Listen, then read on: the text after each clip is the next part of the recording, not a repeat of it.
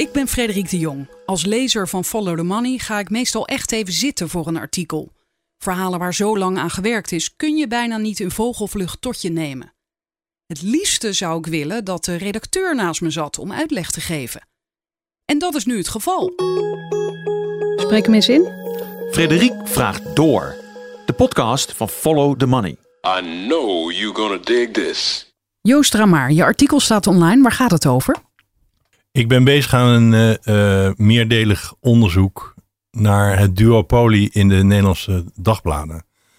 In de afgelopen tien jaar zijn alle, bijna alle Nederlandse kranten, landelijke en regionale kranten, in handen gekomen van twee Vlaamse uitgevers.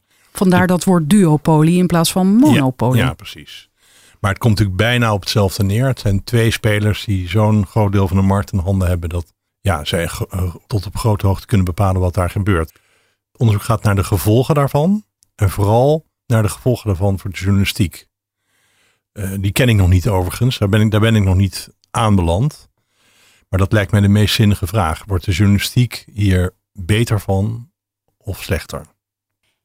En is dit artikel dan interessant voor niet-journalisten? Ja, dat vind ik wel. Want um, we zijn allemaal mediaconsumenten.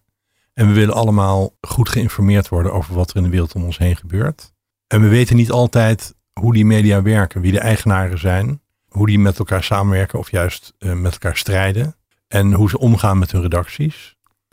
Dus ik vind het wel degelijk belangrijk dat ook niet-journalisten weten hoe die wereld een beetje in elkaar steekt. En jij bent hier al jaren mee bezig hè, met dit onderwerp. Je hebt meerdere boeken geschreven. Af en aan. Ik uh, heb natuurlijk zelf, ik ben zelf journalist. Ik heb uh, zes en half jaar voor Quote gewerkt en vijftien jaar bij de Volkskrant. Tien jaar bij economie en vijf jaar bij kunst. En ik ben daar weggegaan omdat ik een boek wilde maken. Dat wilde ik al heel lang. En dat boek, dat is, uh, ik ben weggegaan in 2008. Het boek is eind 2009 uitgekomen. Dat heet Geldpers. En dat gaat eigenlijk, is het een voorspel voor, uh, voor dit duopolie. Toen was er een uitgever in Nederland, die heette PCM. En die uh, was uitgever van de Volkskrant, NRC Handelsblad, AD, Trouw, Parool. En dan ook nog een aantal regionale kranten. En die heeft zich laten plunderen door een, uh, een zogenaamde springhaan, een Engelse private equity investeerder genaamd Apex. En het boek vertelt dat verhaal, dat treurige verhaal. En toen waren er nog helemaal geen Belgen in, in het Nederlandse nou ja, perslandschap. Het is toen wel? wel begonnen, want PCM was dus uitgever van het Parool onder meer. Dat was een gevoelige snaar, want PCM is eigenlijk begonnen met het Parool. Parool is, zoals je weet, uh, opgericht in de Tweede Wereldoorlog als verzetskrant. Om het Nederlands publiek te informeren als tegenwicht tegen alle leugens en propaganda die de nazi's verspreiden. En de oprichters van het Parool, die, hadden, die hebben zich aan het eind van de oorlog afgevraagd, moeten we nou die, stoppen met die krant na de bevrijding of gaan we door? Ze zijn doorgegaan. Maar ze hebben hem in een idealistisch jasje gestoken. Dus uh, de aandelen waren bij een stichting. Die heette toen nog Stichting Het Parool. En de, de doelstelling van die stichting was om uh, onafhankelijke journalistiek, onafhankelijke kranten in Nederland in leven te houden. En die stichting die is eind jaren 60 gefuseerd met de Volkskrant. Dat heette toen perscombinatie. En later is die, er is, heeft de Volkskrant kreeg eerst een eigen stichting, maar later is Stichting Het Parool is uh, omgedoopt tot Stichting Democratie en Media. Die bestaat nog steeds. En die heeft nog steeds als statutair doel om de diversiteit van het Nederlands medialandschap uh, goed te houden. Dus dat is eigenlijk een idealistische aandeelhouder van origine. En die, uh, maar het parool maakte al vanaf de jaren 70 verlies. En PCM had er helemaal genoeg van. En die wilde in 2003 het parool sluiten, opheffen. Er is toen een enorme protest tegengekomen vanuit, vanuit de lezers, vanuit de redactie uiteraard. En de redactie is toen op zoek gegaan naar iemand die de krant wilde voortzetten. En die hebben ze uiteindelijk gevonden in Christian van Tillo van de persgroep in België. Dus die heeft het parool eigenlijk gered. En dat was uh, een hele goede zet van hem, want daardoor heeft hij enorm uh, goodwill gekweekt bij uh, Nederlandse journalisten vooral. Hij werd binnengehaald als een held dus. Ja, ja hij was de redder van het parool, dat was hij ook echt. En, en, ik weet ook nog uit die tijd dat hij geen enkel, nu nog steeds niet geloof ik, geen enkel interview gaf hè? Of nee, hij geeft, hij geeft heel zelden interviews.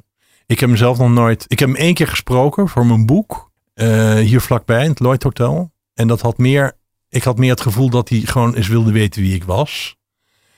En uh, ben toen wel blootgesteld aan zijn fameuze charme en innemendheid. Dat kan hij uh, Hij is eh, één op één is hij echt eh, heel goed. Je, je werd helemaal ingepakt.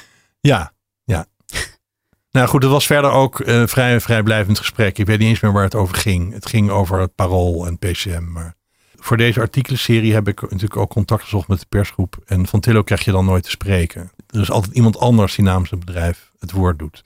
Maar hij treedt wel heel veel op in, eh, op mediaseminars en zo. En hij... ehm, Maar dat is natuurlijk meer zenden dan. ja, dat is echt zenden, ja. En in het jaar, in de jaarslagen van de persgroep dat, doet hij dat ook. Dus dan, die heb ik natuurlijk eh, allemaal zitten lezen voor deze artikelenreeks. En dan zie je dat hij heel duidelijk, zet hij daar zijn idee uiteen wat hij met het bedrijf wil. Waar, waar hij denkt dat het heen gaat met eh, zijn media de komende jaren. Oké, dus eh, bij het, laten we zeggen, bij het verschijnen van jouw boek was het al een beetje begonnen met de Belgen, zo gezegd. Ja. En eh, dat is nu al een aantal jaar gaan. Dus waarom kwam jij nu op deze vraag en dus op deze artikelenreeks? Nou, Erik kwam eigenlijk met die vraag. Erik Smit. Ja.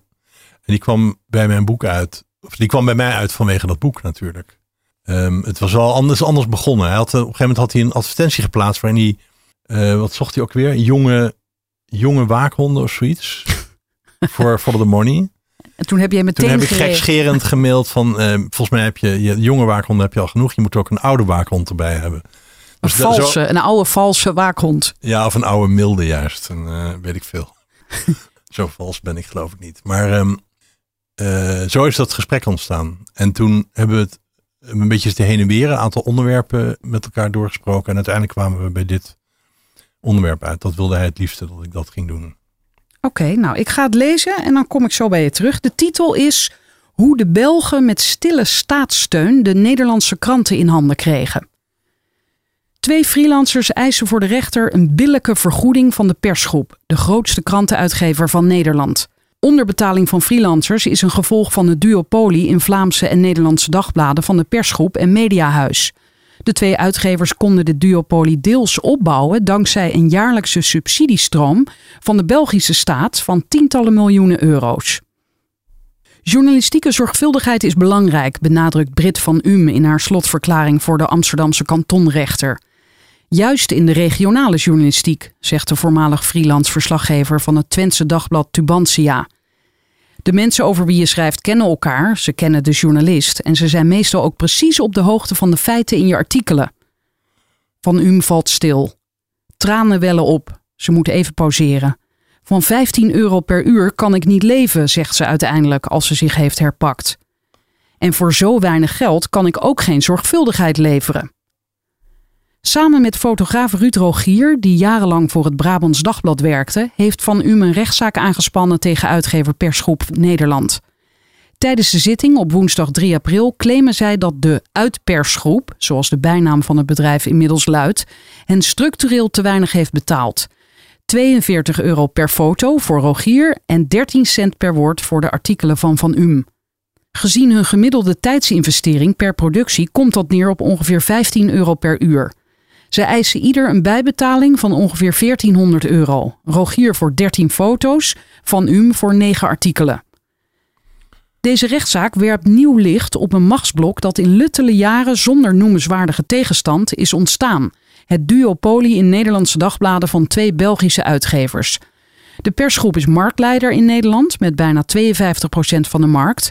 Mediahuis is de nummer 2 met ruim 35%.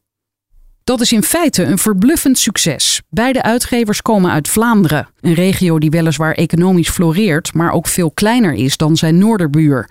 7 miljoen inwoners daar tegen 17 miljoen hier. 800.000 tegen 2,25 miljoen betaalde kranten per dag. De Vlaamse opmars stopt niet in Nederland. De persgroep verwierf in 2015 de krant van Denemarken, Berlingske. Zeg ik dat zo? Ja, je knikt. En Mediahuis lijkt nu voor een koopje aan de haal te gaan met de grootste krantenmaker van Ierland, het beursgenoteerde Independence News and Media. Waarom blijven de Vlamingen investeren in kranten? In het dierenrijk van de media is het papieren dagblad immers een uitstervende soort. Al twintig jaar zien de kranten wereldwijd hun betaalde oplagen en inkomsten uit advertenties afnemen, met de stads- en streekkranten voorop. Alleen al in de VS zijn de afgelopen 15 jaar meer dan 1800 titels ter ziele gegaan, zo berichtte de Financial Times onlangs. Heel wat van die kranten waren meer dan een eeuw oud en hadden de grote depressie zelfs overleefd. Oplagen mogen dan wel dalen, aan invloed boet krant nauwelijks in. In zijn laatste jaarverslag over 2018 claimt de persgroep met zijn Nederlandse papieren kranten dagelijks 3,41 miljoen lezers te bereiken. En met de digitale varianten daarop nog eens 4,2 miljoen unieke gebruikers per dag. Digitale uitdagers zoals Follow the Money en de correspondent kunnen daar nog lang niet aan tippen, al groeien ze hard. Dankzij dat grote bereik blijft de papieren krant voorlopig een formidabel platform voor goede journalistiek. En een geldmachine voor zijn uitgever, mits die tijdig de tering naar de nering weet te zetten. In decline management toonde de persgroep en mediahuis zich veel bekwamer dan de veel grotere Nederlandse rivalen die zij de laatste jaren hebben opgeslokt. Ja, zal ik daar nog wat Ja. over vertellen? Want Wat is dat, decline management? Ja, dat is dus ehm, eh, vanaf 2000 ongeveer verliezen kranten wereldwijd betaal, betalende lezers en adverteerders. Toen ik de geldpers schreef, PCM had aan het eind van de jaren 90 geloof ik, ik geloof dat driekwart van de omzet was uit advertenties en een kwart uit abonnementen. En tegenwoordig is het, zijn die rollen omgedraaid. En die omzet als geheel die is enorm geslonken. Dus de PCM had op het hoogtepunt een omzet van 750 miljoen euro. De persgroep nu van 1,6 miljard. Maar er zit ook een televisiezender in. Er zitten kranten in Denemarken in. En er zitten al hun eh, eh, Nederlandse kranten in. Dus als je dat gaat uitvogelen, dan is er van die 750 miljoen van de PCM is dat gehalveerd of zoiets. Dus wat je dan moet doen is bezuinigen. Je apparaat, je, je, je back-office, kleiner maken en goedkoper maken. Zodat je wel winst blijft maken en die kranten in de lucht kunt houden. Hij werd en- toch ook, dat herinner ik me nu opeens, een Mr. 25% eh genoemd? Omdat hij, eh, van Tillo, omdat hij zo goed kan bezuinigen. Dat hij overal 25% eraf haalt. Nou, weet je dat ik die bijnaam niet eens ken? Dat Oh. zou zomaar kunnen dat hij zo heet. Maar daar zijn ze inderdaad erg goed in. Waar ze ook erg goed in zijn. PCM was een eh, financieel solide, maar een beetje een sloom bureaucratisch bedrijf. En die Belgen, die zijn voortdurend bezig. De, grote uitdaging voor papierkranten is natuurlijk wat je met online moet. Zien die papierkrant steeds kleiner worden. En die gaat een keer ophouden te bestaan. Of misschien niet. Of wordt die zo klein dat, die, dat je er geen winst meer, kunt meer mee kunt maken. Dus ze zijn voortdurend aan het kijken naar hoe ze daar tegenwicht aan moeten bieden. Wat voor nieuwe activiteiten ze moeten ontplooien om daar eh, om nieuwe inkomsten aan te boren. En ze proberen gewoon van alles. En als het niet lukt, proberen ze weer wat anders. En daar zijn ze snel. In die zin is, is zeker de persgroep een eh, dynamisch bedrijf. Wat bedoel je nu met dynamisch? Nou ja, dat je. Weet Gaat je, alle kanten op? Of? Ja, maar dat moet ook. In zo'n, in zo'n veranderende markt moet je ook. Je moet gewoon blijven proberen tot je de, je er eh, de secret sauce hebt gevonden. Oh ja, oké, ja. En dus was er bijvoorbeeld ook, of is er misschien wel decline management? Wat betekent dat? Nou, dat, dat decline management komt eigenlijk alleen maar neer op bezuinigen. Dus je, Nou, je begeleidt het verval van je eh, inkomstenstroom met, eh, door gewoon redacteur, ja, heel banaal, redacteuren te ontslaan en drukkerijen te sluiten en op allerlei manieren de kosten, kosten te besparen. Waarbij ze de redacties, met name in Nederland, nog jarenlang redelijk hebben gespaard. Ja, en dan volgt nu een groot grijs kader. En dat begint eigenlijk met het verhaal dat je net vertelde eh, over het parool. Hoe het eh, gegaan is met die krant. En dat Van Tillo werd binnengehaald als een held omdat hij die krant redde. En wat vertel jij hier nog meer? Nou, wat er dan gebeurt. Kijk, een van de, het parool was een van de vele eh, twistappels binnen PCM. Dus de, die, de grote aandeelhouder, die Stichting Democratie en Media, die lag voortdurend overhoop de laatste twintig jaar met de directie van het bedrijf. En die, die twee partijen die werden zo gestoord van elkaar dat ze, ehm, de, dus toen Van Tillo met het parool had overgenomen, twee jaar later zet PCM zichzelf in de etalage. Dus die stichting die had zoiets van, we hebben helemaal tabak van die directie, we gaan gewoon het bedrijf verkopen. We hebben er genoeg van, we gaan eruit. Zo is het begonnen. En later is dat ook gebeurd bij de Telegraafgroep. Ook daar lagen de aandeelhouders onderling overhoop en met de directie overhoop.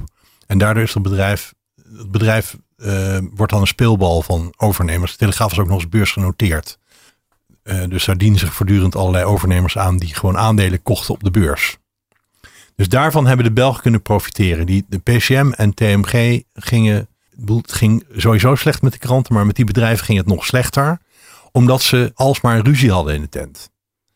Dus Van Tillo heeft toen PCM zich te koop zette eh, een fusie voorgesteld op basis van gelijkwaardigheid. Hadden ze, had PCM dat maar gedaan, Ja, eh, dan, was, ze- dan hadden ze A kunnen profiteren van wat ik net vertelde. De dynamiek, het, eh, het bekwame management van de persgroep. B was er gewoon veel minder en veel en veel minder geld over de balk gesmeten. Maar nee, de Stichting Democratie Media kreeg eurotekentjes in zijn ogen. En die heeft zich uitgeleverd aan dat Apex. Omdat, ze, omdat Apex veruit het hoogste bod uitbracht. En bij SDM niemand begreep dat die overnamesom gewoon als schuld weer bij PCM zou worden geparkeerd. Dus die overname van Apex, dat is een drama geworden. En drieënhalf jaar later, uit mijn hoofd, heeft SDM Apex weer uitgekocht. En dan breekt de kredietcrisis uit. Dus de kranten staan er al slecht voor. Bedrijf heeft het ook ineens 500 miljoen euro schuld. En kan eind 2008 gewoon niet meer voldoen aan de afspraken die ze met de banken hebben gemaakt. En dan komt Van Tillo. En die koopt het bedrijf voor een spotprijs. Een relatieve spotprijs, 130 miljoen euro. Terwijl in de, tijdens de veiling waar uiteindelijk Apex uit de beurs kwam, was PCM nog gewaardeerd op 1 miljard euro. Dus het was 130 miljoen over. ongelooflijk. Eh, dat hebben ze heel slim gedaan. Eh, vervolgens hebben ze die kranten ook, ze hebben dat bedrijf weer gezond gemaakt. Hebben ze, dat hebben ze gewoon goed gedaan. Eh, no doubt about it. En dan gebeurt er nog iets. De persgroep koopt PCM, maar de toenmalige NMA, de kartelwaakhond in Nederland, die zei van ja, dan worden jullie te groot. Dus jullie moeten wel wat verkopen. Persgroep heeft toen NRC Handelsblad en NRC Next verkocht. En daar 70 miljoen aan verdiend. Dus ze hadden van die 130 miljoen hadden ze 70 miljoen weer terug. Ja, want dat, jaar werd later. dat niet Egeria? Ja, dat ging dus naar een andere investeerder. Een Nederlandse investeerder dit keer. Die eh, ook wel eh rattige trucs heeft uitgehaald. Maar die dat het bedrijf op zich goed heeft gemanaged. Maar Egeria wilde er een aantal jaar ook weer van af. Die kreeg, die kreeg het ook al gauw aan de stok met redactie en zo. Want er zijn natuurlijk lastige mensen, journalisten, over het algemeen. Ja, maar Egeria bijvoorbeeld had zich in, eh, tegen de afspraken in... een- na een paar jaar gewoon een greep in de kas gedaan. En zich een zogenaamd superdividend toegeëigend van 12,5 miljoen euro. Daar was de redactie natuurlijk niet zo blij mee. Dus dat ze ruzie kreeg met de redactie, daar kon je je alles bij voorstellen. Dus Egeria wilde er sneller van af dan ze aanvankelijk van plan waren. Dus die hebben het bedrijf weer te koop gezet. En dat is toen, toen kwam Mediahuis op de proppen, de tweede Vlaamse uitgever. En de grap aan Mediahuis was, dat bedrijf bestond nog helemaal niet toen ze NRC overnamen. Dat was een fusie van twee kleinere Belgische uitgevers. Corelio en Concentra heten die bedrijven. En die hadden voor de gelegenheid die, die constructie gemaakt. Nee, nee, ze waren al, al aan het fuseren. Maar die fusie heeft jaren in beslag genomen. Dus ze hadden ook eigenlijk geen geld. Ze hebben gewoon een deel van de overnamesom hebben ze geleend bij de Stichting Democratie en Media. Nee. Ja. Hè? Hoe Ja. kan dat dan? Nou ja, die, heeft, die eh, had in zijn statuten staan bij eh, zet ons in voor de diversiteit van het Nederlandse medialandschap.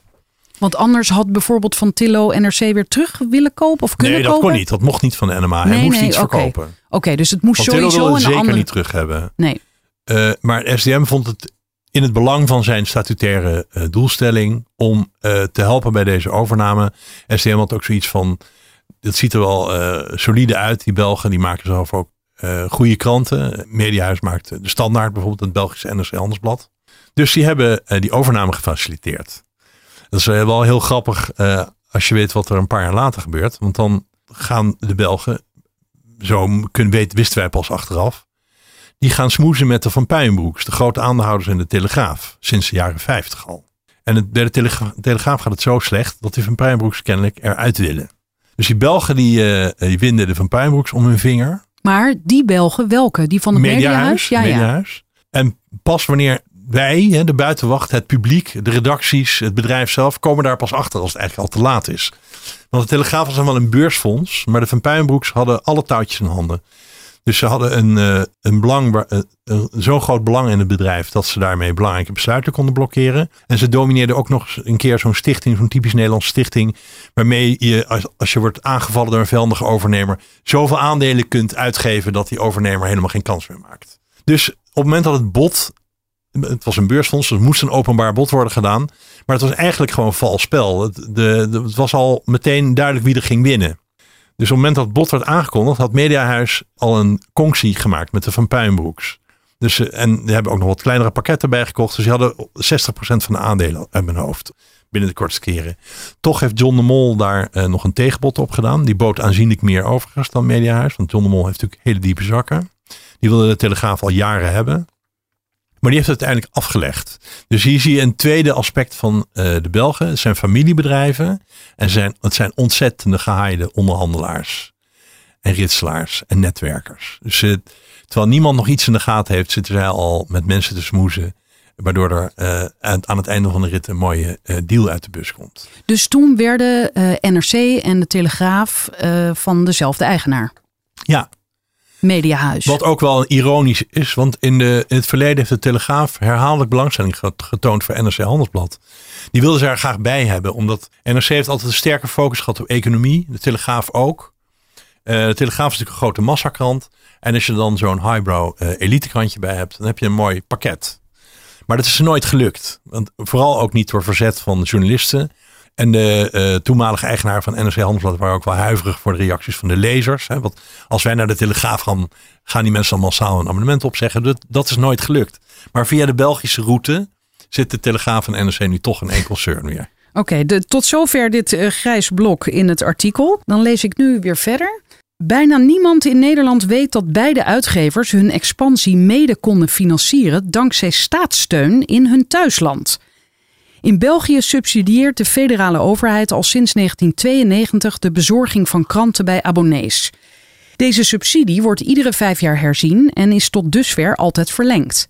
De huidige regeling loopt af in 2020 en beslaat in totaal 938 miljoen euro, waarvan bijna 600 miljoen is bestemd voor de bezorging van kranten. En die overige miljoenen die zijn voor de bezorging van tijdschriften. De persgroep is veruit de grootste tijdschriftenuitgever in België. Even kijken hoor, wie, wie heeft dit ooit eh, bedacht dan? Waarom, waarom wordt dit gesubsidieerd? Dat weet ik eigenlijk niet. Die subsidie bestaat dus al sinds 1992. Ja, ik denk dat het gewoon ook weer een goede lobby is geweest van de uitgevers. Het, Ik- de, de gedachte erachter is dezelfde waarom eh, in Nederland het lage btw-tarief Ja, geldt voor kranten. Hè, van, het is een algemeen maatschappelijk belang dat eh, Nederlands, de Nederlandse burger goed geïnformeerd blijft. Anders kan hij ook, dan functioneert de democratie niet goed. En de Belgen hebben dat vertaald van ja, dan het is ook in het belang dat die krant dan goed bezorgd wordt. Anders Dus ze hebben het heel letterlijk genomen eigenlijk. Het nieuws moet letterlijk gebracht worden naar de burger en daar betalen wij voor. Ja. De subsidie gaat naar B-Post, dit Belgische PostNL bezorgde kranten. Indirect profiteren de persgroep en mediahuis er ook van. Wat de Belgische overheid bijlegt, hoeven zij niet uit te geven aan distributiekosten. En distributiekosten vormen vaak een heel groot deel, toch? Van de, Ja. van de kosten van krantenuitgevers. Dat kan ik nu ook wel even eh, uitleggen. Dat wordt verderop in het verhaal, zeg ik daar ook iets over. Eh, distributie van kranten is een uniek iets. Een zeer kostbare geschiedenis ook. Kranten worden, vooral ochtendkranten, die worden in de nacht gedrukt. En die moeten, nou ik geloof om drie uur 's ochtends, moeten die het land gaan rijden, die vrachtwagens met kranten. Anders komen ze niet op tijd bij de abonnees. Want de abonnees willen de kranten, dat, dat is in Vlaanderen niet anders, per se voor zeven uur 's ochtends op de deurmat hebben. Ze willen gewoon kunnen lezen bij hun ontbijt. En zeker de, de huidige uitgeklede PostNL en B, nou, PostNL in ieder geval, die kunnen die bezorging voor zeven uur absoluut niet garanderen. Dus PostNL heeft wel, die had die kranten er wel graag bij willen hebben, maar als een soort, ja, om de tas van de postbodes wat beter te vullen. En zo werkt het gewoon niet. Het is een, eh, een aparte klus die een aparte, heel aparte aanpak vergt en die de uitgevers heel veel geld kost en ook vooral heel veel organisatorische ellende. Want in, bijvoorbeeld in Nederland worden de kranten bezorgd door freelancers. Maar de PostNL doet dat dus niet, zeg jij? Nou ja, de, de dagbladuitgevers hebben met diverse partijen gepraat. In de hoop eindelijk eens van hun distributiemolensteen molensteen af te komen. Het is nooit gelukt. Ze hebben nooit een partij kunnen vinden die hen de garanties kon geven die zij nodig hebben. Dus zijn ze gebleven bij PostNL. Noodgedwongen. Ja, Nee, ja. PostNL be- bezorgt in Nederland geen kranten. Wie doet het dan wel? Ja, die freelancers, dat doen de uitgevers zelf. Oh, wacht eens even. Zij hebben gewoon een eigen systeem Ja, opgetuigd. ja, ja. Dat is in Nederland altijd zo geweest. Vroeger door scholieren. Hè, 40 jaar geleden was je als middelbare scholier had je een krantenwijkje. En tegenwoordig, ik weet niet wie het nu doen. Het zijn scholieren niet meer, geloof ik. Maar ze hebben altijd chronisch tekort aan voldoende bezorgers. En toch functioneert het systeem redelijk goed. Er zijn wel wat klachten, maar over het algemeen komen de kranten eh, inderdaad voor zeven in de bus. En ja, er is gewoon geen andere partij die dat voor ze kan doen. En in België is de bezorging nog beter geregeld. Want daar, wordt, daar zijn het de officiële postbodes. eh, met een keurige CAO, duurbetaalde krachten. die die kranten bezorgen. Er zijn dus ook helemaal geen bezorgklachten in Vlaanderen. Nee? Nee. Dat is wel waanzinnig. Ja. Maar daar betaalt de overheid dus voor. Ja. Ja, oké. nou, daar zijn we ook gebleven in het verhaal. Eh, en dan schrijf jij dat voordeel, eh, wat die uitgevers dus hebben, omdat ze minder kosten hebben, geven zij niet door aan de Belgische krantenlezer. De persgroep en mediahuis rekenen in Vlaanderen juist meer voor hun abonnementen dan in Nederland. Hoe dat kan doorwerken in hun financiën blijkt uit een recent wetenschappelijk onderzoek. Daar kan ik op doorklikken. En bij wie kom ik dan? Bij Mirjam, Mirjam van der Burg. Wie is dat? Mirjam van den Burg is een Nederlandse toen wetenschapper, wetenschappelijk onderzoekster. Aan, toen aan de Universiteit van Antwerpen. En die heeft, is daar gepromoveerd op een proefschrift over machtsconcentratie in de eh, Vlaamse media. En er staan alle interessante dingen. Het proefschrift is redelijk recent, dat is van 2017. Een van de eh, dingen die ze heeft ontdekt bijvoorbeeld is dat, dat toont ze ook aan met grafieken, is dat de omzet van de Vlaamse uitgevers, die daalt ook natuurlijk, want de krant krimpt nu eenmaal al jaren, maar die is veel minder gedaald dan die van de Nederlandse uitgevers. En zij weet, zij denkt dat dat mede komt door die staatssteun, door die distributiesteun door de Belgische staat. Maar ze zegt, als je dat keihard wilt aantonen, dan moet je eigenlijk weer een heel nieuw onderzoek beginnen. Dat is één ding. Maar ik vond het zelf al geestig dat partijen die 30 miljoen subsidie, nou daar komen we later op, die tientallen miljoenen subsidie, indirect weliswaar, per jaar krijgen van de Belgische staat, dat die eh, dat niet delen met de lezer, maar dat ze eh, abonnementsprijzen juist verhogen. Ja. Maar, dat is- Maar- maar, dat eh, zo zijn bedrijven. Zo zijn bedrijven gewoon. Ja, Als je ze maar laat kennelijk- gaan, dan doen ze Ja, dat. maar eh, de consumenten pikken het kennelijk ook. Of ze betalen Ja. ervoor. Dus ja. Ja. En jij zegt, eh, ze was wetenschapster, want ze is hierna... eh, Ze is inmiddels beleidsmedewerker bij het ministerie van OCW. Aha. Dan zie ik hier inderdaad een grafiek. Komt die ook uit haar onderzoek? Ehm, Oh, nee, nee. Even kijken. Nee, dat zijn Nee, zijn kosten, abonnementen. abonnementskosten. Dat heb ik zelf uitgezocht. Dat is niet zo moeilijk. Je kijkt gewoon naar de abonnementsprijzen op de websites van die, van die kranten. En wat zien we hier dan? Oh ja, de vergelijking tussen een, bijvoorbeeld een abonnement op de Telegraaf kost 175 per jaar, denk ik, of 180, zie ik hier ongeveer staan. Nee, nee, minder, 130. Ja.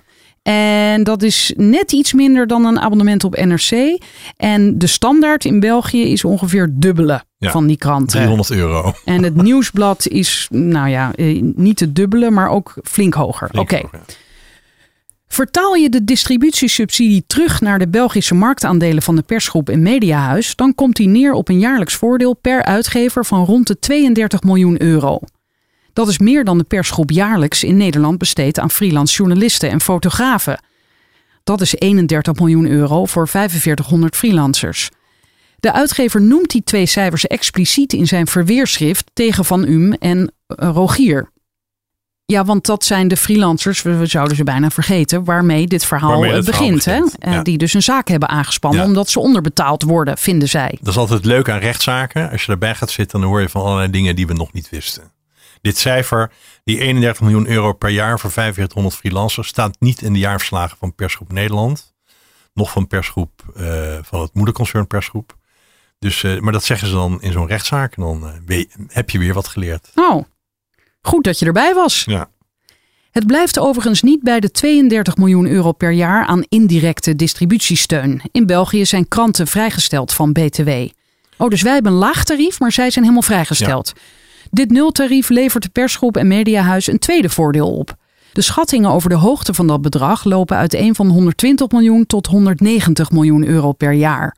Vertaald naar de marktaandelen van beide uitgevers levert het nultarief de persgroep met 22,45% van de Belgische krantenmarkt een jaarlijks voordeel op van 27 tot een kleine 43 miljoen euro en Mediahuis een voordeel van 70 miljoen euro. En dan komen we weer bij een heel groot eh, kader. Ja, dat Eh, gaat over die eh, distributie, over die bezorging. Oké, dus dat hebben we al besproken. Ja. In Nederland geldt het lage btw-tarief voor kranten, dat onlangs is verhoogd van 6 naar 9 procent. En het hoge van 21 procent voor digitale media. Ja, dat is ook zo oneerlijk, toch? Ja.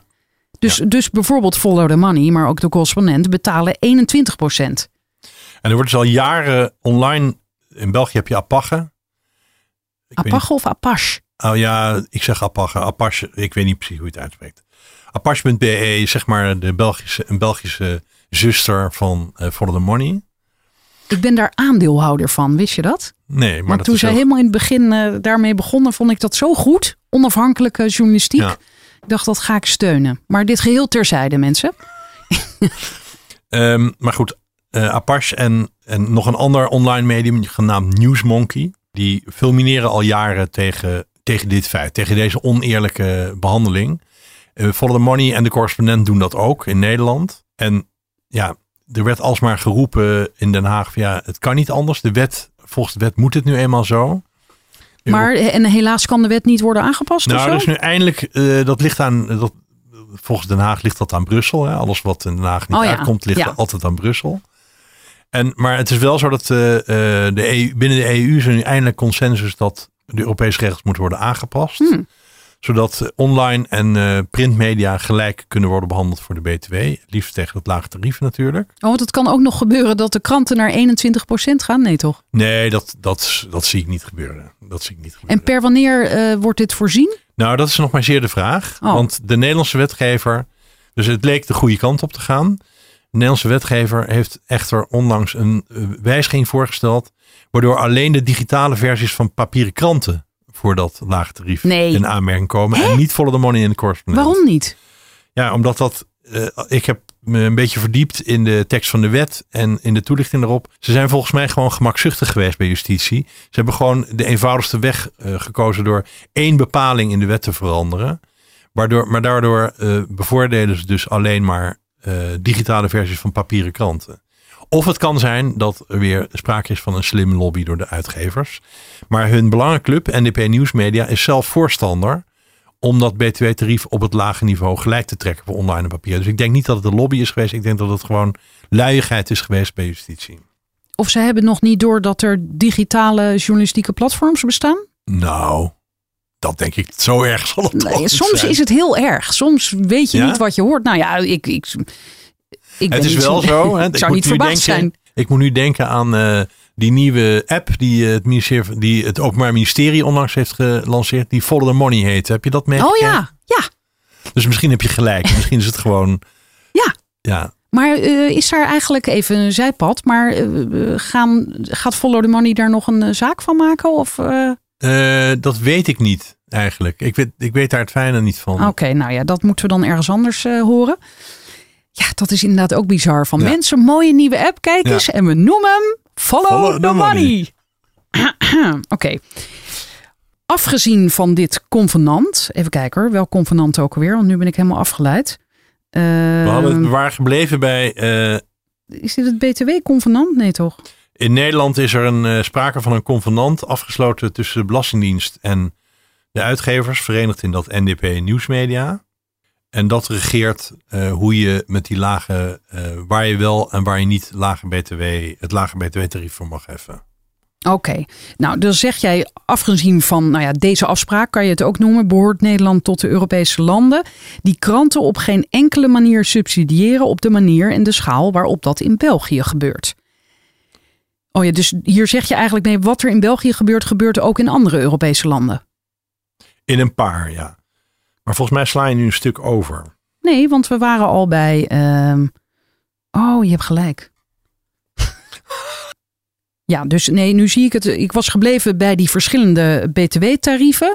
En dan schrijf jij: de Nederlandse uitgevers drukken hun BTW-afdracht met ettelijke miljoenen per jaar door creatief te schuiven met die lage en hoge BTW tussen papier en digitaal. Zo onthulde Follow the Money onlangs. Ja, dat was dus mijn eerste verhaal in deze reeks. Dat is in januari verschenen.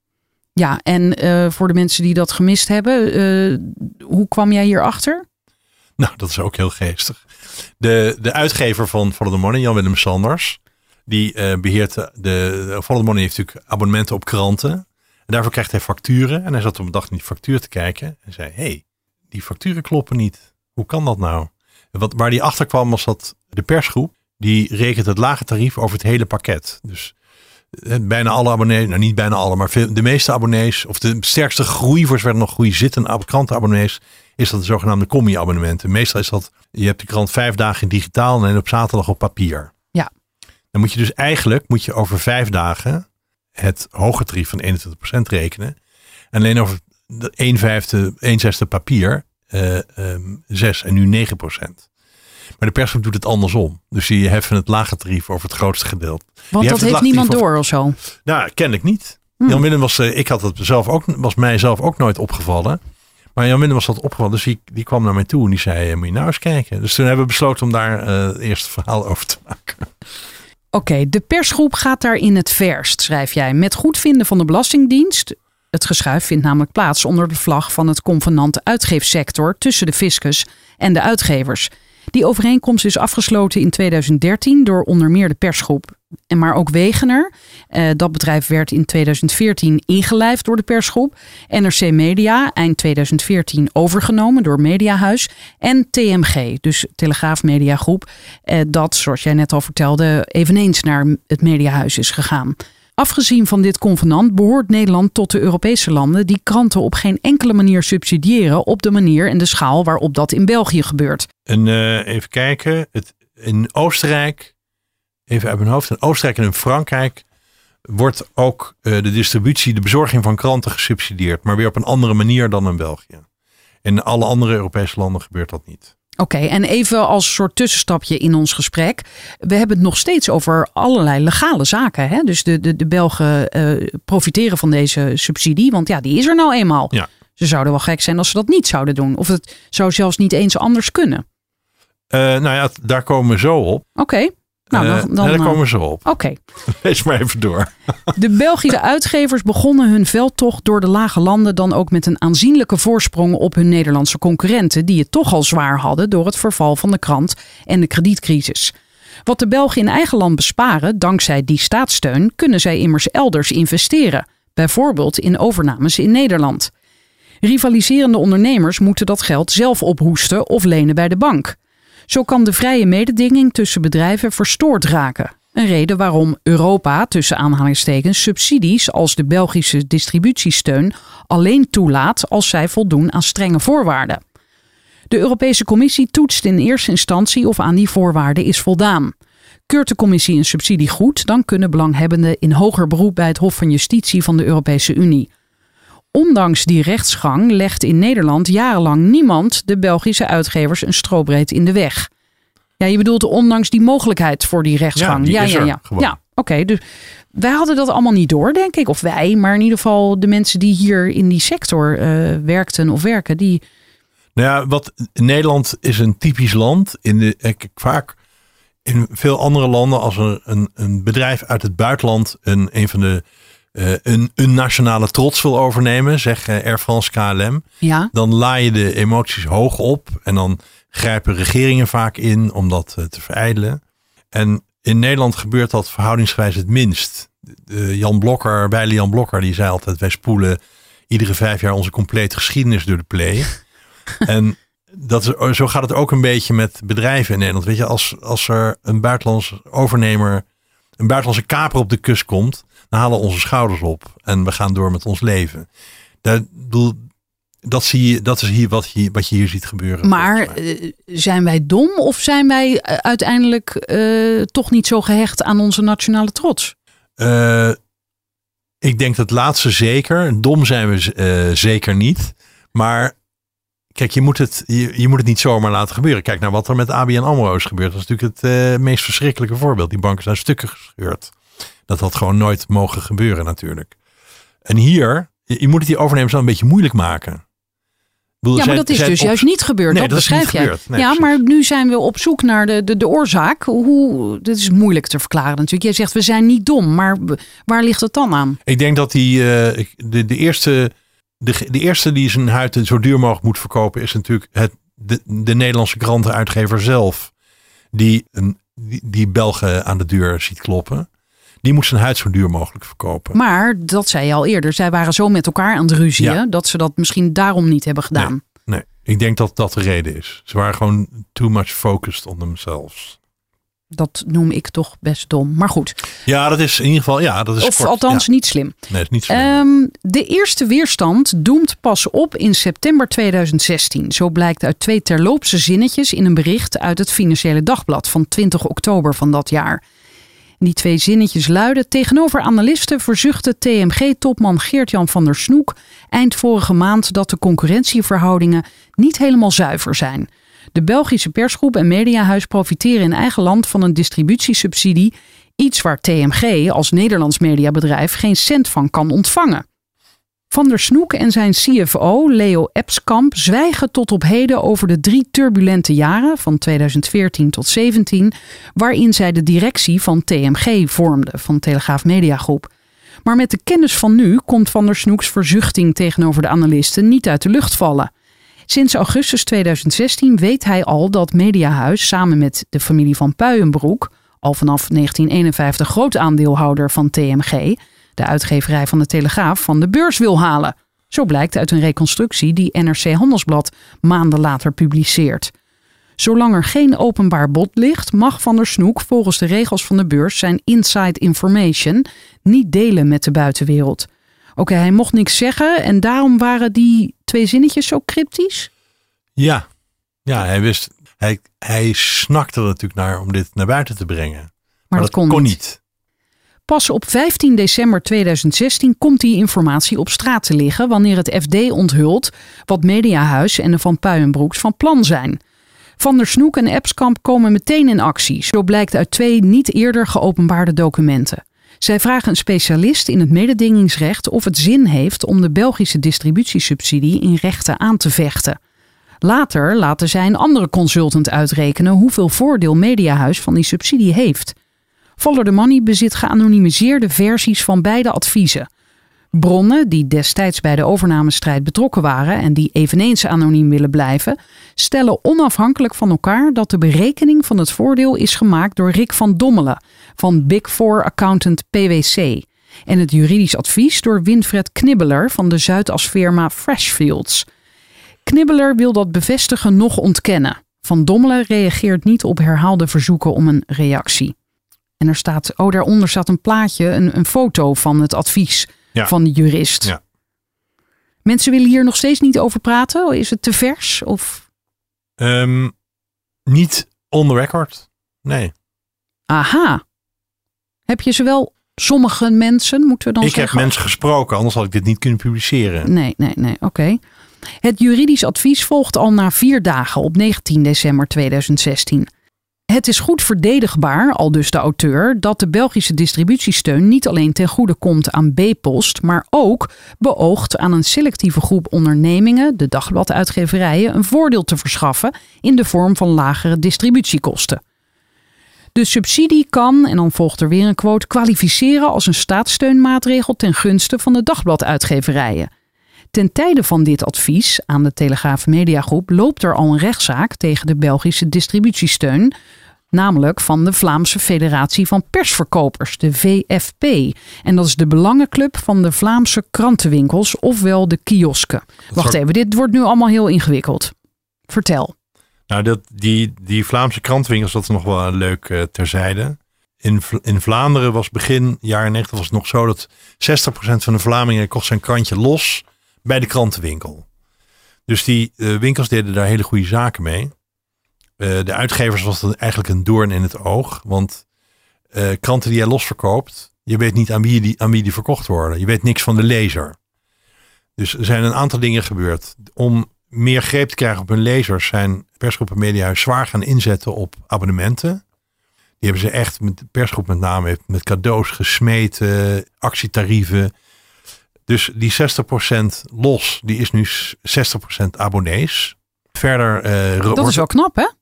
Ja, maar dat heeft ook heel veel geld gekost. Dat heeft ook wel een aantal jaar geduurd voordat ze zover waren. Maar nu hebben ze die data. Hè? Ze hebben namen, adressen, uh, leeftijden, geslachten, beroepen, e-mail, soms telefoonnummers. Ze hebben gewoon heel veel data van die lezer. En die krantenwinkels, ja, uh, er werd ook steeds minder gerookt natuurlijk. Er wordt steeds meer online geshopt. Dus die krantenwinkels die gaan ook, die zijn ook in decline al jaren. Dus het water stond hen dermate hoog aan de lippen dat ze eindelijk dachten nou laten we die uh, distributiesteun eens gaan aanpakken. Want ze verkopen nog wel kranten los, alleen veel minder dan vroeger. Dat is voor hen nog steeds een belangrijke bron van inkomsten. Alleen zij krijgen daar geen subsidie voor. Dat was hun reden om die subsidie aan te vechten. Maar de Europese Commissie heeft alleen maar gekeken omdat in die, in die zaak van de VFP naar de situatie in België. Want daar ging de klacht van de VFP over. Die is niet toegekomen aan mogelijke grensoverschrijdende concurrentievervalsing in Nederland. Dus wat die jurist hier doet, die zegt, je moet je voegen in die Belgische, in die rechtszaak van die, van die krantenwinkels. Dat kan.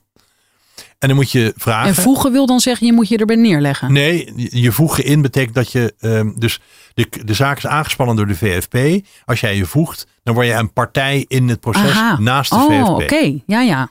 Hij zegt dat moet je, moet je voegen en dan moet je vragen aan de Europese Commissie of die een apart onderzoek wil starten naar mogelijke grensoverschrijdende concurrentievervalsing in Nederland. Dat is het. Is hiermee duidelijk, dit ingewikkelde Ja. verhaal duidelijk? Maar je bedoelt, een ieder die hen wil aanpakken hierop, moet zich daarin voegen. Nou ja, die, die zaak liep al. Ja. Dus het was. Maar dat is niet gebeurd dus. Nee, dan lees Oké. maar verder. Oké. De Europese Commissie heeft de klacht van die kioskenclub in 2016 afgewezen omdat deze zich richt tegen B-post. Volgens de commissie is er in België geen sprake van concurrentievervalsing, omdat de distributiesubsidie voldoet aan de voorwaarden die het Europese recht stelt. Daardoor komt de commissie niet toe aan mogelijke verstoring van de vrije mededinging in Nederland. Ja, dat is wat jij net uitlegt. Maar die VFP heeft hoger beroep aangetekend bij het Europese Hof. En TMG krijgt van zijn jurist het advies zich te voegen in die zaak via een verzoek tot interventie. En daarnaast om de Europese Commissie te vragen om een afzonderlijk onderzoek te doen naar de distributiesubsidie als een vorm van steun ten gunste van de uitgeverij. Oké, dus je kunt je voegen en ook natuurlijk een eigen zaak beginnen. Ja. Dat is het verhaal. Oké. Dan, de tweede consultant van TMG komt uit op een veel hoger indirect voordeel voor Mediahuis dan de berekening van Follow the Money op basis van Belgische marktaandelen. Wij schatten in dat de waardeketen van Mediahuis in 2015 62,4 miljoen euro profijt heeft gehad van die vergoeding van de Belgische staat. Zo schrijft die consultant, die dus anoniem is, op 2 maart 2017. En daaronder staat ook weer een screenshot. eh, Van dat advies. ja. Ten tijde van beide adviezen lijkt de overname van de Telegraaf Media Groep al een voldongen feit. Mediahuis en VP-exploitatie, VPE, het familievehikel van de Van Puijenbroeks, bezitten samen zo'n 60% van de aandelen. Toch meldt zich meteen een rivaal die ook van meet af meer biedt voor de aandelen dan de combinatie Mediahuis-VPE, namelijk Talpa van John de Mol. De twee kandidaatkopers verdelen de top van TMG. Dus ook daar kwam ruzie. Veel managers bij TMG geven de voorkeur aan de mol. Zij denken dat Talpa meer te bieden heeft in video en online. Twee domeinen die de al jaren afkalvende papieren telegraaf kunnen versterken. Mediahuis vinden ze meer van hetzelfde. Papieren kranten die de toekomst niet hebben. Van der Snoek en Epskamp zitten tussen drie vuren. De pro-Talpa-managers, de grote aandeelhouder die al voor Mediahuis heeft gekozen... en de regels van de beurs, die de TMG-directie opdragen beide bieders gelijke kansen en gelijke informatie te geven. Wat dus eigenlijk van meet af aan al niet mogelijk was. Omdat eh Mediahuis via de achterdeur al een meerderheid van de aandelen had. Dus Oh ja, Ik vind het ook eerlijk gezegd, dat staat niet in dit verhaal. Ik vind het eigenlijk te bizar voor woorden dat de Amsterdamse effectenbeurs toestaat dat je van twee walletjes eet. Dus dat je een beursnotering kunt hebben als bedrijf, maar dat je tegelijkertijd als groot aandeelhouder, als familie in dit geval, de totale controle over dat bedrijf hebt. Wat is die beursnotering dan waard? maar was dat toen dan zo duidelijk? Dat, we, dat wist, dat had iedereen kunnen en moeten weten. Ja. Oké. Binnen deze context overwegen beide TMG-directeuren de Belgische subsidie voor de bezorging van kranten aan te vechten. Het klimaat lijkt er rijp voor. Luttele weken nadat bekend is geworden dat Mediahuis en VPE TMG willen overnemen, stellen de twee PvdA-parlementariërs Mohamed Mohandes en Meili Vos kamervragen aan staatssecretaris van Mediazaken Sander Dekker. Deelt u de mening, vragen zij hem, dat er door de staatssteun in België geen sprake is van een level playing field, een eerlijk speelveld? Desondanks heeft TMG zijn rechtszaak tegen de Belgische distributiesubsidie nooit doorgezet. Volgens dezelfde anonieme bronnen heeft Guus van Puijenbroek dat tegengehouden. De vertegenwoordiger van de gelijknamige aandeelhoudersfamilie, die destijds tevens commissaris was van TMG. Van Puijenbroek wilde graag samen met Mediahuis zijn overname afronden. Hij had er geen enkel belang meer bij om zijn Belgische partner het leven zuur te maken. VP-exploitatie heeft nooit overwogen de Belgische distributieaanpak juridisch te laten beoordelen, zo antwoordt Guus van Puijenbroek op schriftelijke vragen. Wat een eh, chaos is dit. Of tenminste, chaos. Het is een enorm twee, web, hè? waarin één partij eh, eh, het hoofd koel houdt, namelijk Mediahuis. Ja, ja, ja. Staatssecretaris Sander Dekker ziet evenmin reden in actie te komen. Zo blijkt uit zijn antwoorden op die Kamervragen van Vos en Mohandis. Zowel het BTW-nultarief als de distributiesteun zijn, quote, toegestaan in gevolge het Europese Unierecht. De Europese Commissie heeft de exclusieve bevoegdheid om staatssteun verenigbaar te verklaren met de interne markt. Ja, ja. In de afwijzing van de VFP-klacht heeft de commissie niet geconstateerd dat er door de distributiesteun via B-post oneerlijke verstoring van de concurrentie voor krantenuitgevers op de markten in andere lidstaten plaatsvindt. Hiermee geeft Dekker eigenlijk een misleidend antwoord. Want de commissie heeft niet expliciet geconstateerd dat er geen grensoverschrijdende eh, concurrentievervalsing is opgetreden. Ze is daar gewoon aan de beoordeling van gewoon niet toegekomen. Dus als je de uitspraak leest, staat wat Dekker hier zegt, dat staat er gewoon niet in. En hoe kan dat dan weer? Ja. Zo gaat het kennelijk. Zo, dat, dit gebeurt natuurlijk de hele tijd in de Tweede Kamer. Dat ministers onduidelijke of misleidende antwoorden geven. Ik weet nooit of ze dat zelf in de gaten hebben. Of dat dat gewoon door listige ambtenaren. Ik neem aan dat het door listige ambtenaren wordt geschreven, dit soort teksten. Ehm, maar ik vind het wel opmerkelijk. En ja, Vos en Mohandes hebben daar ook geen punt van gemaakt. Voor zover ik eh, heb kunnen nagaan. Misschien gewoon niet opgemerkt. Maar wat hij hier zegt, is eigenlijk feitelijk niet juist. Drie dagen na het tweede advies kiezen de commissarissen van Telegraaf Mediagroep onverbloemd partij voor de combinatie Mediahuis van Puienbroek. Op zondag 5 maart 2017 schorsen zij Van der Snoek en Epskamp omdat de twee directeuren zich, quote, onvoldoende constructief en realistisch hebben opgesteld tegenover het Belgische bod. Dat is ook wel hard zeg. Ja, dat is een krankzinnige toestand geweest. Eh, er staat in de zin daarna dat het nooit eerder eh, is gebeurd dat tijdens zo'n overnamestrijd commissarissen van een Nederlandse onderneming een complete directie naar huis sturen. Dat is, dit, dit is een unieke, uniek incident. Maar die commissarissen hebben zich ook, wat hieruit blijkt, dat die commissarissen volledig door de Belgen hebben laten inpakken. Wat het enige wat Van, wat van der Snoek en Epskamp probeerden, was om Talpa en Mediahuis allebei gelijke kansen te geven. En zelfs dat mocht niet, kennelijk niet van de commissaris. Er is ook verder niemand over gevallen. Dat, is, dat antwoord van Dekker ook, weet je wel, van ja, volgens de EU mag dit. Dus eh, er staat nergens in zijn antwoord blijkt dat hij zich überhaupt verdiept heeft in is het een goed idee voor het Nederlands medialandschap dat TMG naar Mediahuis gaat. Weet je, alsof, een, alsof hem dat niet interesseert. Hij is notabene staatssecretaris van Mediazaken. En niemand heeft zich ook in Nederland echt druk gemaakt over de manier waarop die, de slinkse wijze waarop die overname eh, is gegaan destijds. De Mol die heeft nog een zaak aangespannen bij de ondernemingskamer. Ik weet niet of je dat weet, maar daar ben ik ook naartoe geweest toen voor een ander medium. Dat was een fantastische vertoning. Ik heb nog nooit zoveel van die penguins en toga's bij elkaar gezien als daar. Maar de, de dus dat is bij Apex ook gebeurd. Er is een, de, de ondernemingskamer kan een zogenaamde enquête gelasten. Een onderzoek naar wat er gebeurt, wat er is misgegaan. Bij PCM hebben ze dat gedaan. Er is een enquête gedaan, weliswaar after the fact, naar de overname van PCM door Apex. Die, die enquête, dat rapport, was vernietigend. Hier is sprake van exact dezelfde casus. Ruzie in de aandeelhouders en directies, die, waardoor een bedrijf eh, heel slecht gaat. Dat komt voor de rechter. Toch, zegt de ondernemerskamer, een enquête is niet nodig. Begrijp jij het? Ik begrijp er helemaal niets van. En zijn er nu dan mensen, nu jij dit verhaal gepubliceerd hebt, ik zag dat er ook al een heel aantal reacties is op de site. Zijn er dan nu mensen die zich hier druk om maken of eigenlijk ook niet? Volgens ben mij jij het- echt de enige? Ja, en, en Erik dus, want die wilde dat ik hier onderzoek, onderzoek naar deed. Er zijn wel mensen die zich hier druk over maken, maar die nemen geen actie. Ik vind wat ik wel interessant vind, is dat die rechtszaak van die freelancers, die eh, gaat echt een, een staartje krijgen. Want A, moet er een vonnis komen, de rechter moet daar iets over zeggen. En die kan niet zeggen, zoals de ondernemerskamer bij TMG deed, van nou, eh, daar beginnen wij niet aan. Dus ze moeten moet zeggen, ja, jullie zijn onderbetaald of nee. De kans is groot dat dat grote consequenties gaat krijgen. Niet alleen voor freelance journalisten, maar voor alle freelancers. Want er worden natuurlijk in heel veel sectoren worden freelance medewerkers uitgebuit. Die krijgen gewoon slecht betaald eh, in, in ver- vergelijking met de krachten in vaste dienst binnen zo'n sector. Ja, en deze week is er natuurlijk ook in het nieuws dat het kabinet wil dat freelancers per, weet ik even niet wanneer, eh, minstens 16 euro per uur eh, verdienen.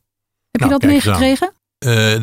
Nee, niet zo specifiek. Maar Dus dat zet ik misschien wel, ik wist nog wel de dat het speelt. Ja. Ja, ja, nou, kijk. Dus het klimaat is aan het omslaan. ja, ja. Dan moeten we altijd maar afwachten of er dan ook concrete maatregelen volgen. Maar het klimaat is aan het veranderen. We moeten moed houden, Joost. Zo is dat. Even kijken. Mediahuis en VP-exploitatie winnen uiteindelijk van Talpa. TMG wordt eigendom van Mediahuis en verdwijnt van de Amsterdamse effectenbeurs. VPE ruilt zijn aandelen TMG tegen een belang in Mediahuis. Eind 2017 krijgt de overname definitief zijn beslag.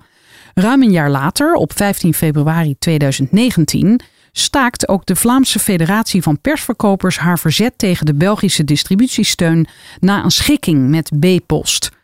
Hé, hey, een schikking? Hebben ze geld gekregen? Nou, het is heel vaag. Oh, want dit zijn die kioskhouders, Ja. hè? Die waren dus in opstand heeft- gekomen, ja. B-Post heeft beloofd hen te helpen met het openhouden van eh, de, hun meest noodlijnende kiosken. Maar dat wordt verder, krijgt geen enkele concrete invulling. Dus waarom deze krantenwinkels zich met deze kluit in het riet hebben laten sturen, is mij duister. Een, een ander eh, mysterie weer. Ja. Ja. Daarmee is het voortbestaan van deze subsidie verzekerd, in elk geval tot de volgende herziening in 2020. In België zelf is de distributiesteun overigens zeer omstreden. Oh, oké, daar kan ik op doorklikken bij het woord omstreden. Ja, daar kan ik ook wel iets over Ja, vertellen. graag. Kijk, er zijn heel veel partijen die, die on, bijvoorbeeld die online eh, media, zoals eh, Newsmonkey en Apache, die zijn natuurlijk, die voelen zich eh, zeer ongelijk behandeld. Die worden ook zeer ongelijk behandeld. Eh, er zijn andere partijen, dus bijvoorbeeld in, ook in Vlaanderen heb je zoiets als het Fonds BEP, dat heet daar het Vlaams Journalistiek Fonds. Ja, want even, dat Fonds BEP, bijzondere journalistieke projecten, dat heeft ook meebetaald aan dit artikel, Ja. nu je het toch noemt. Ja, Aan deze serie. deze serie, oké. Ja. En in België bestaat er ook Ja, zoiets. dat, je hebt een fonds Pascal de Kroos, dat is al wat ouder. En er is onlangs een Vlaams Journalistiek Fonds bijgekomen. En die publiceren ook. En die hebben een goed stuk geschreven over die distributiesubsidie. Waarin ze zeggen van, het is eigenlijk gek dat de Belgische overheid op zich goed winstgevende activiteiten en goed winstgevende bedrijven gaat subsidiëren. Waarom?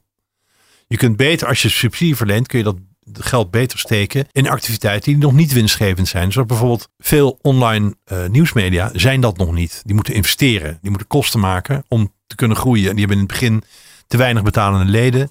Waarom steek je daar je geld dan niet in? Dat bevordert ook de innovatie. Dus het, het subsidiëren van uitgevers die in de meeste gevallen al meer dan een eeuw bestaan. En die al meer dan een eeuw kranten drukken en uitgeven.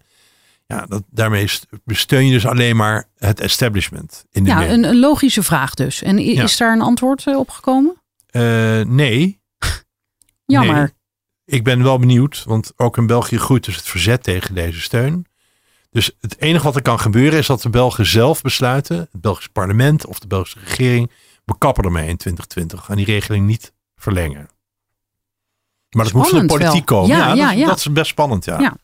Ook het jaarlijks terugkerende voordeel van ongeveer 32 miljoen euro dat de persgroep en mediahuisgenoten tijdens hun expansie in Nederland lijkt hierdoor onaantastbaar geworden.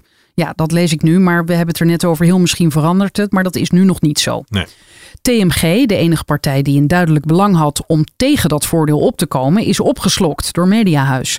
Hier resteren alleen nog een paar kleine zelfstandige dagbladuitgevers, bijvoorbeeld de Noordelijke Dagbladcombinatie, BDU Media, FD Media Groep met het Financiële Dagblad en de uitgevers van het Nederlands Dagblad en het Reformatorisch Dagblad. Twee jaar na de TMG-overname zijn enkele prominente Nederlandse mededingingsjuristen aanzienlijk sceptischer over een rechtszaak tegen de Belgische distributiesteun dan hun confrère die TMG in 2016 adviseerde. Zie kader en nu? Vraagteken. Ja, daar komen we dan meteen bij. Moet ik dat Ehm, ook even uitleggen? Nou ja, dat is wel handig, want dit is ook weer een enorme labtekst. Ja.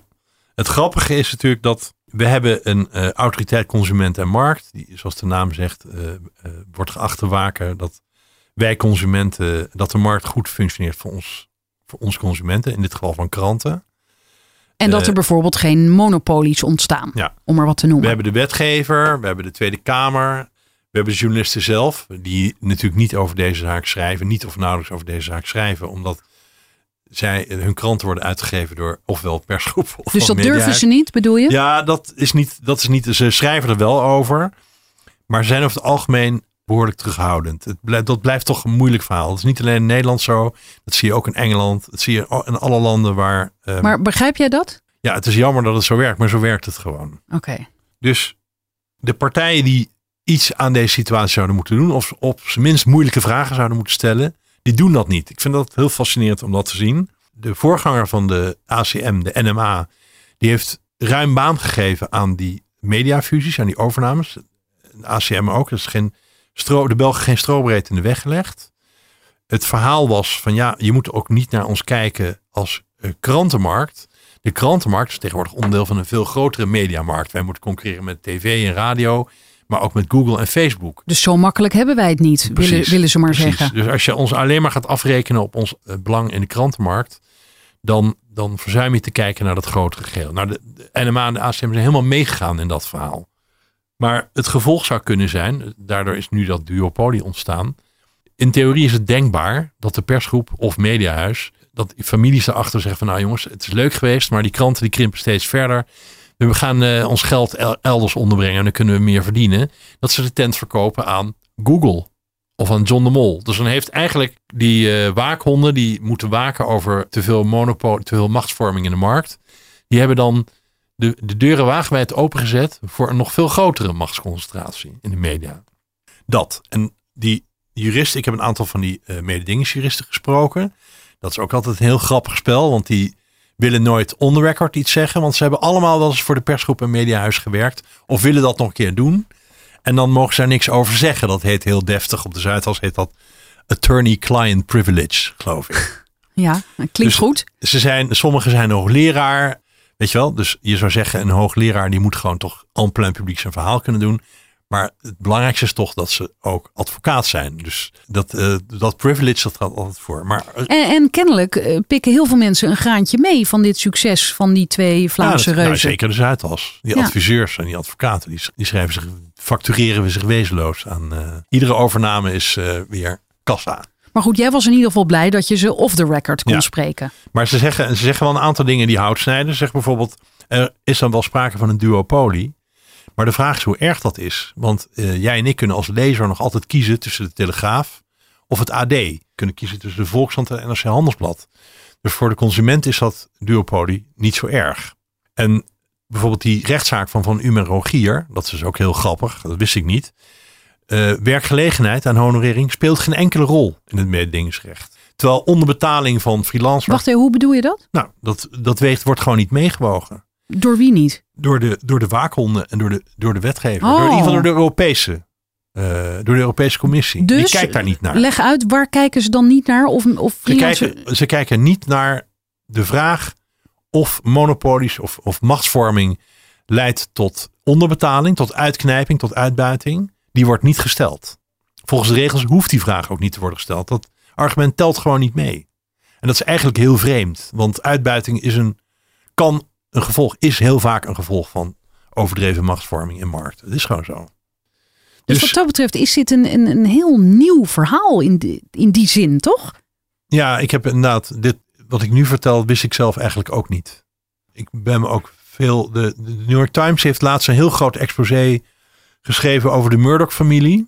Dat is ook heel interessant, ook een heel deprimerend verhaal. Want die Murdochs die hebben echt gewoon keihard verkiezingen gemanipuleerd in uh, het Verenigd Koninkrijk en in de VS. Ze hebben een belangrijke rol gespeeld in de overwinning van Trump. Maar die hebben dus, wat ook uit dat verhaal heel goed naar voren komt, is hoe zij steeds gebruik weten te maken van de gaten die wetgever en waakhonden laten vallen. Die laten gewoon altijd gaten vallen. En daar kruipen ze net weer doorheen. Zodat ze weer net een fusie kunnen rondbreien of hun bedrijf kunnen uitbreiden. Uh, soms worden ze gedwongen om te verkopen. Dat komt dan ook vaak goed uit, weet je wel. Dan hebben ze weer geld en dan kunnen ze weer ergens anders in steken. Dus op een of andere manier weten die echt machtige partijen...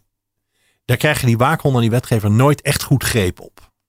Maar goed, die vraag die jij net opwierp van ja, je kunt ook zeggen, ja, wat die mededingingsjuristen zeiden, is het erg dat er een duopolie is voor de lezer, zo gezegd, de consument? En, en wat is jouw antwoord daar? Ik denk dat het antwoord daarop nog niet, dat het nog te vroeg is om het antwoord daarop oh ja, te want geven. dat ga je nog onderzoeken, dat ja, zei je al. Ja, ja, ja. Daar moet het onderzoek op uitdraaien. Wat is, wat is nou, wat betekent duopolie voor de informatie? De onafhankelijkheid en de, en de kwaliteit van informatie die wij via die kranten tot ons krijgen. En wat betekent het voor de diversiteit in het Nederlands medialandschap? Ja, want dan wordt het alweer breder. Want inderdaad, je kan je afvragen als er maar twee giganten zijn, molochen zijn. eh, Wat, nou, precies die vraag die je net stelt: van wat is daarvan de invloed op de lezers? Maar ja, die lezers die, die zitten op, op tientallen websites bijvoorbeeld. Die lezen van alles. Dus in die zin kan je altijd zeggen: ach, niemand wordt 100% beïnvloed door één medium. Nee, dat is waar. Maar we weten wel dat we zeker online massaal worden gemanipuleerd. Zonder dat we het weten. Dat zou ook op papier kunnen gebeuren natuurlijk. Ik weet, niet, ik weet nog niet wat er achter de schermen eh, speelt. Het is denkbaar dat de. Ik zeg niet dat het gebeurt, maar het is denkbaar dat, dat grote uitgevers ook de inhoud van de krant naar hun hand zetten. Op zo'n manier dat wij als lezer dat niet kunnen merken. Dus ik heb het idee dat wetgever en waakhond veel meer naar de toekomst zouden moeten kijken. Niet zozeer naar het heden, maar zouden moeten denken van... er is nu een duopolie. Wat betekent dat over vijf jaar, over tien jaar? Dat je gewoon scenario, scenario's gaat onderzoeken. En dat, eh, ja, dat is de afgelopen tien jaar niet gebeurd. Ik zie het ook niet... Nou ja, ik hoop dat het gebeurt, maar ik heb er een hard hoofd in. De enige overgebleven uitdagers van de duopolie zijn twee onderbetaalde freelancers, Brit van Um en Ruud Rogier. Freelance journalisten en fotografen zijn toeleveranciers van de uitgevers. En toeleveranciers worden altijd afgeknepen door machtige afnemers. Van Um en Rogier beroepen zich als eerste op de nieuwe wet auteurscontractenrecht, ingevoerd in 2015. Deze wet geeft freelancers de mogelijkheid bij de rechter een billijke vergoeding, tussen aanhalingstekens, te eisen voor hun werk. Hij beoogt hen te beschermen tegen machtsmisbruik door een monopolist. Aan de wet auteurscontractenrecht ligt een onderzoek ten grondslag uit 2004 van Bernd Hugenholz en Lucie Guibault van het Instituut voor Informatierecht aan de Universiteit van Amsterdam, uitgevoerd in opdracht van het ministerie van Justitie. Auteurs zijn afhankelijk van exploitanten om hun werk gepubliceerd en verspreid te krijgen. Vaak is de verhouding tussen auteur en exploitant zeer ongelijkwaardig. Zo constateren de beide UvA-juristen. Vooral in markten waar de mededinging aan de vraagzijde door concentratie is beperkt, zoals door het duopolie in de Nederlandse dagbladmarkt. De Nederlandse wetgever heeft die zorg tot de zijne gemaakt. De auteur is vaak de zwakkere partij, beaamt de memorie van toelichting bij die wet. Ja, ja, dus dat, dat geeft die wet dus wel toe, zelf eigenlijk. Ja, daarom is hij geschreven, daarom is hij ingevoerd. Alleen dat is al, even kijken, de wet auteurscontractenrecht is van 2015. gelo- Ja, 2015. Pas vier jaar later. Er moet wel iemand naar de rechter stappen. En, En, die- dat gebeurt nu en een dus. beroep doen op die wet. En dan pas wordt hij getest. En dat gebeurt pas vier jaar later. De molens malen traag. Alle landelijke en bijna alle regionale kranten in Nederland en Vlaanderen zijn in handen van de persgroep en mediahuis. In Nederland is de persgroep veruit de grootste van de twee en in de regio's van Van Um en Rogier monopolist. Tubantia is de enige krant in Twente. Het Brabants Dagblad heeft het Rijk alleen in Den Bosch en omgeving. Als nieuwsconsument kun je niet kiezen tussen twee aanbieders van regionaal nieuws. Je moet al blij zijn als er nog regionaal nieuws wordt aangeboden. Zo zegt advocaat Otto Volgenand van de firma Boeks namens Van Um en Rogier. Hij zegt ook een regionaal journalist moet dus zaken doen met de uitgever die in zijn regio als enige regionaal nieuws aanbiedt. Dat heet een machtspositie. De twee journalisten stellen dat de persgroep zijn monopoliemacht misbruikt door zijn freelancers het vel over de oren te halen. Met een veelheid aan bronnen als basis rekenen zij de rechtbank voor dat zij minstens 60 euro per uur moeten verdienen als zeer ervaren krachten. Eigenlijk meer, 75 tot 92 per uur. Maar in de praktijk heeft de persgroep zijn tarieven voor freelancers nooit verhoogd en zelfs niet geïndexeerd, oftewel laten meestijgen met de inflatie. Sterker nog, de gemiddelde vergoedingen voor freelance fotografen en schrijvende journalisten zijn de afgelopen vier jaren gedaald. Zo blijkt uit de meest recente Monitor Freelancers en Media uit 2017. Dat is een onderzoek dat regelmatig wordt uitgevoerd in opdracht van onder meer de NVJ. De Nederlandse Vereniging voor Journalisten. Ik zie dat jij zegt vakbond. Dat, dat willen ze niet, hè, dat je vakbond zegt. Echt niet? Nee joh, Wat dan worden wat- ze gek. Wat Ja. eh, overdreven modern. Nee, het is wel leuk om te vertellen dat gisteren de eh, Monitor Freelance en Media 2018 is gepubliceerd. En daaruit blijkt dat die vergoedingen wederom zijn gedaald. Dat mensen toch dit vak willen blijven doen, hè? Dat is ja, dat bijzonder. is een. eh, het is echt was- een roeping. De NVJ had een hoorzitting georganiseerd in Nieuwsport in Den Haag. En daar waren een aantal deskundigen voerden daar het woord. Van UM heeft het woord gevoerd. En Meili Vos was daar weer, dit keer als lid van de Eerste Kamer. En Corinne Ellemeet van GroenLinks. En daar hoorde ik ook weer allemaal dingen die ik niet wist. Die denk ik heel veel mensen eh, niet weten. En één daarvan is dat het feit dat wij journalist blijven, het zo slecht betaalt, zit ook heel erg tussen de oren. En het grappige is Tussen wiens oren? tussen onze oren. Hoe bedoel Dus je? wij, daar ging het, daar ging het, dat speelde, speelt een veel belangrijke rol dan ik me had gerealiseerd. Dus heel veel freelancers die verwijten zichzelf, die denken dat het aan hun ligt dat ze zo slecht verdienen. Terwijl dat niet het geval is natuurlijk. En het grappige is ook dat... Dat het aan hun ligt omdat ze niet goed genoeg zouden zijn? Of Ja, Dat ze niet kunnen Dat onderhandelen? ze gewoon sukkels zijn. eh, ik kan niet onderhandelen, weet je wel. Het is natuurlijk ook typisch eh, Hollands met zijn Calvinistische cultuur om jezelf eh, met berkentwijgjes te geestelen de hele tijd over dit soort zaken. Maar het zit ook tussen de oren bij de uitgevers. Want eh Shaila Sitalsing, de columniste van de Volkskrant, freelancer overigens, die was in, toen ik daar werkte was ze ook nog in vaste dienst, maar die is al jaren freelancer. Die schrijft in haar column vaak hierover, dat, over de uitbuiting van freelancers. En dat vinden ze verschrikkelijk bij de persgroep. Dus iedere keer als zij daarover schrijft, of er een lezing over houdt, of er een ander blad een column schrijft, heeft ze woedende eh, persgroepmanagers aan de lijn. Dus die, er is ook een enorme overreactie bij die mannen. Daar blijkt ook wel duidelijk dat, die, dat ze donders goed weten hoe laat het is. Maar dat ligt kennelijk heel gevoelig bij hen. Dat zij gezien worden als uitbuiters van journalisten. Dus het is aan beide kanten speelt psychologie. Maar het is maar goed dat het gevoelig bij ze ligt, toch? Want het zou Ja, maar helemaal goed, erg zijn als het... Het zou nog beter zijn als ze er gewoon naar zouden handelen. Ja, natuurlijk. Maar en die vergoedingen zouden verhogen. ja, maar dat doen ze niet. Dat doen ze niet, hè? Nee. Nee, want er zit inderdaad iets in het feit, wat jij zegt, dat journalisten, althans veel journalisten, blijven toch journalist. En worden steeds armer, raken aan de bedelstaf, weet ik veel wat. Dus er zit ook iets heel dubbels. Want jij zegt van ja, eh, ge- gezelen met een eh, eh, berkentakje. Maar die, die cowboykant, ik overdrijf nu een beetje, maar de cowboykant van de journalistiek is kennelijk zo aantrekkelijk dat Ja. mensen het toch blijven doen. Heel verslavend. Ja, die is wel verslavend, toch? Vind je niet? Nou ja, verslavend trouwens. Nee, helemaal niet. Maar het is gewoon heel leuk. Ja. En belangrijk. Hè, laten we wel serieus blijven, Joost. Leuk. Heel belangrijk om die verhalen te blijven brengen. maar als je en het- als dan jij- maar voor minder. Ja, maar dat is niet de cowboykant. Dat is de serieuze kant van de journalistiek. Natuurlijk is het een, het is een heel belangrijk vak. Ja, absoluut. Maar als jij het hebt over, als jij zegt de cowboykant, dan denk ik meer aan de romantische kanten Ja, van het vak. Ja, ja, ja.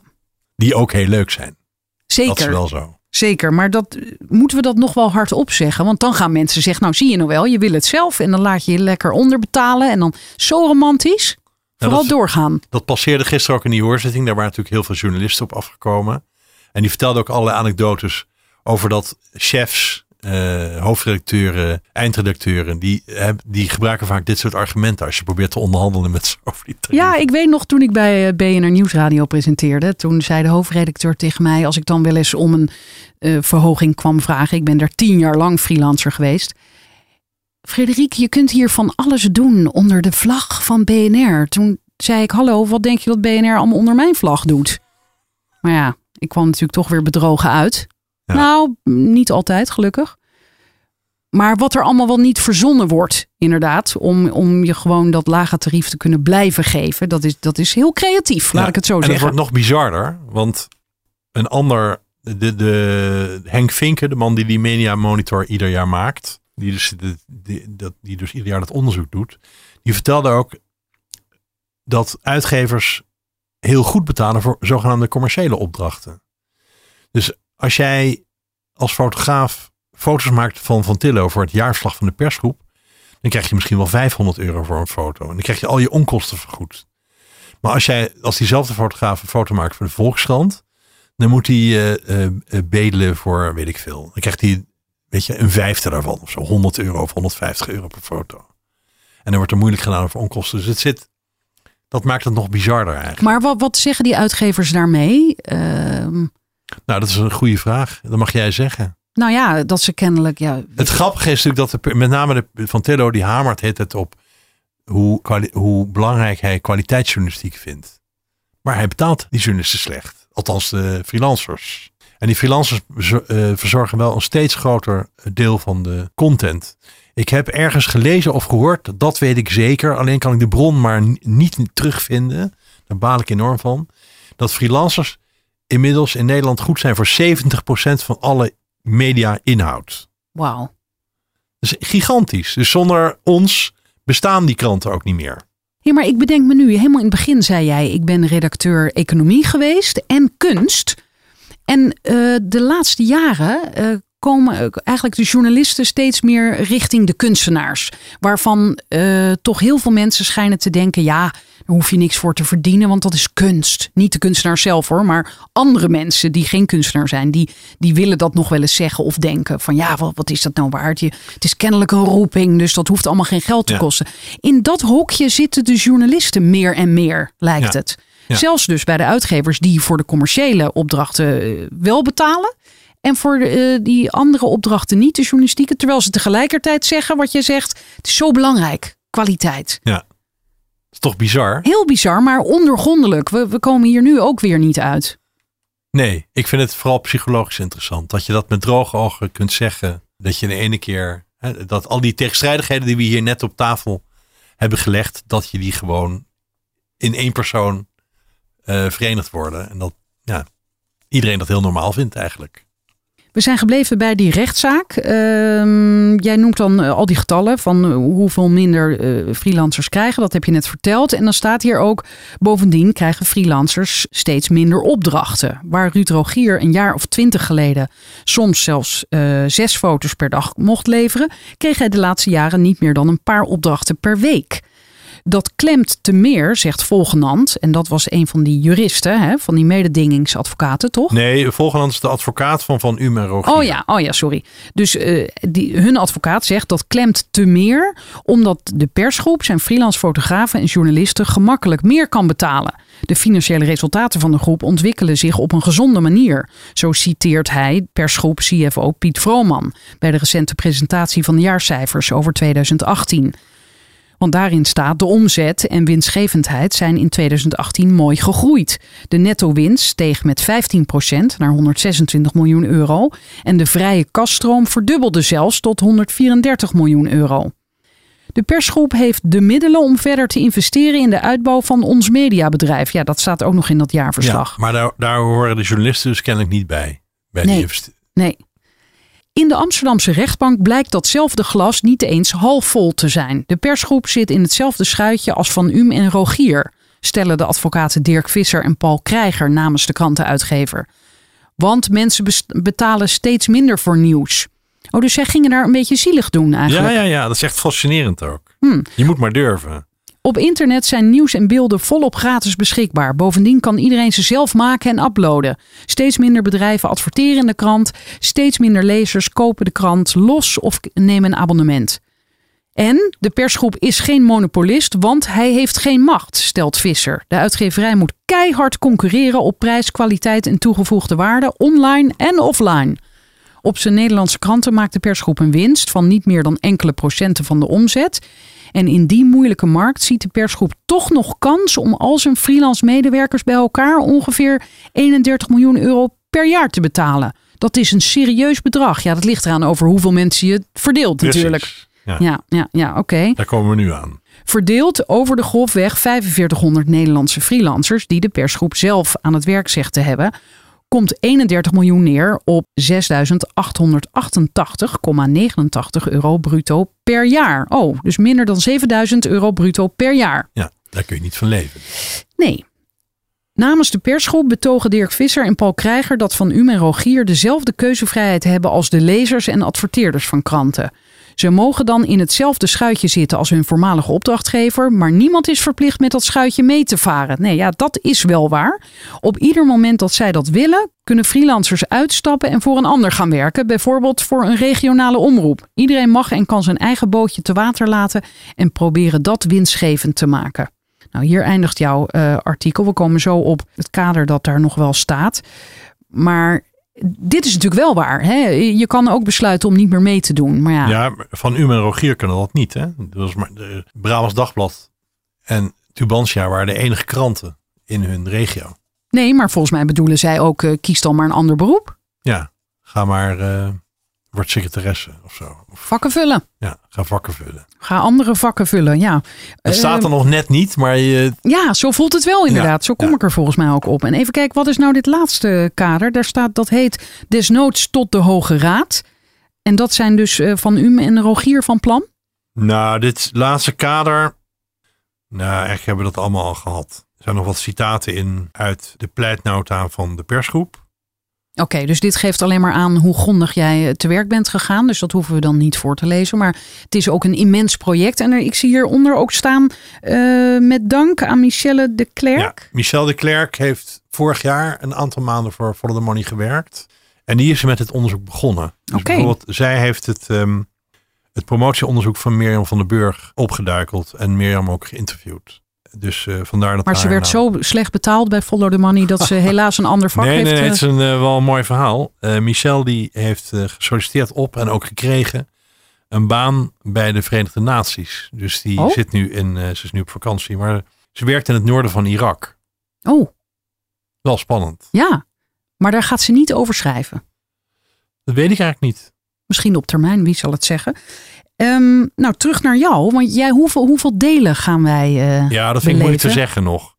Kijk, ik ben nu bezig met een follow-up over die hoorzetting van gisteren. En ik vind dat wel interessant. Nog wel een leuk stuk, maar dat wordt een wat korter stuk. Zo zal ik wel vaker zo'n soort tussendoortje maken. Als we die even niet meetellen, ja, hoeveel delen? Ik denk dat het een reeks wordt van vijf artikelen of zo. Oké, nou dan het zaakje eh, wel gehad. het zaakje wel gehad. Ja, nou dan eh, spreek ik je misschien nog wel. Dankjewel. Nou, dank jou wel. Dat was leuk om te doen dit. Wil je weten wanneer een nieuwe aflevering online staat?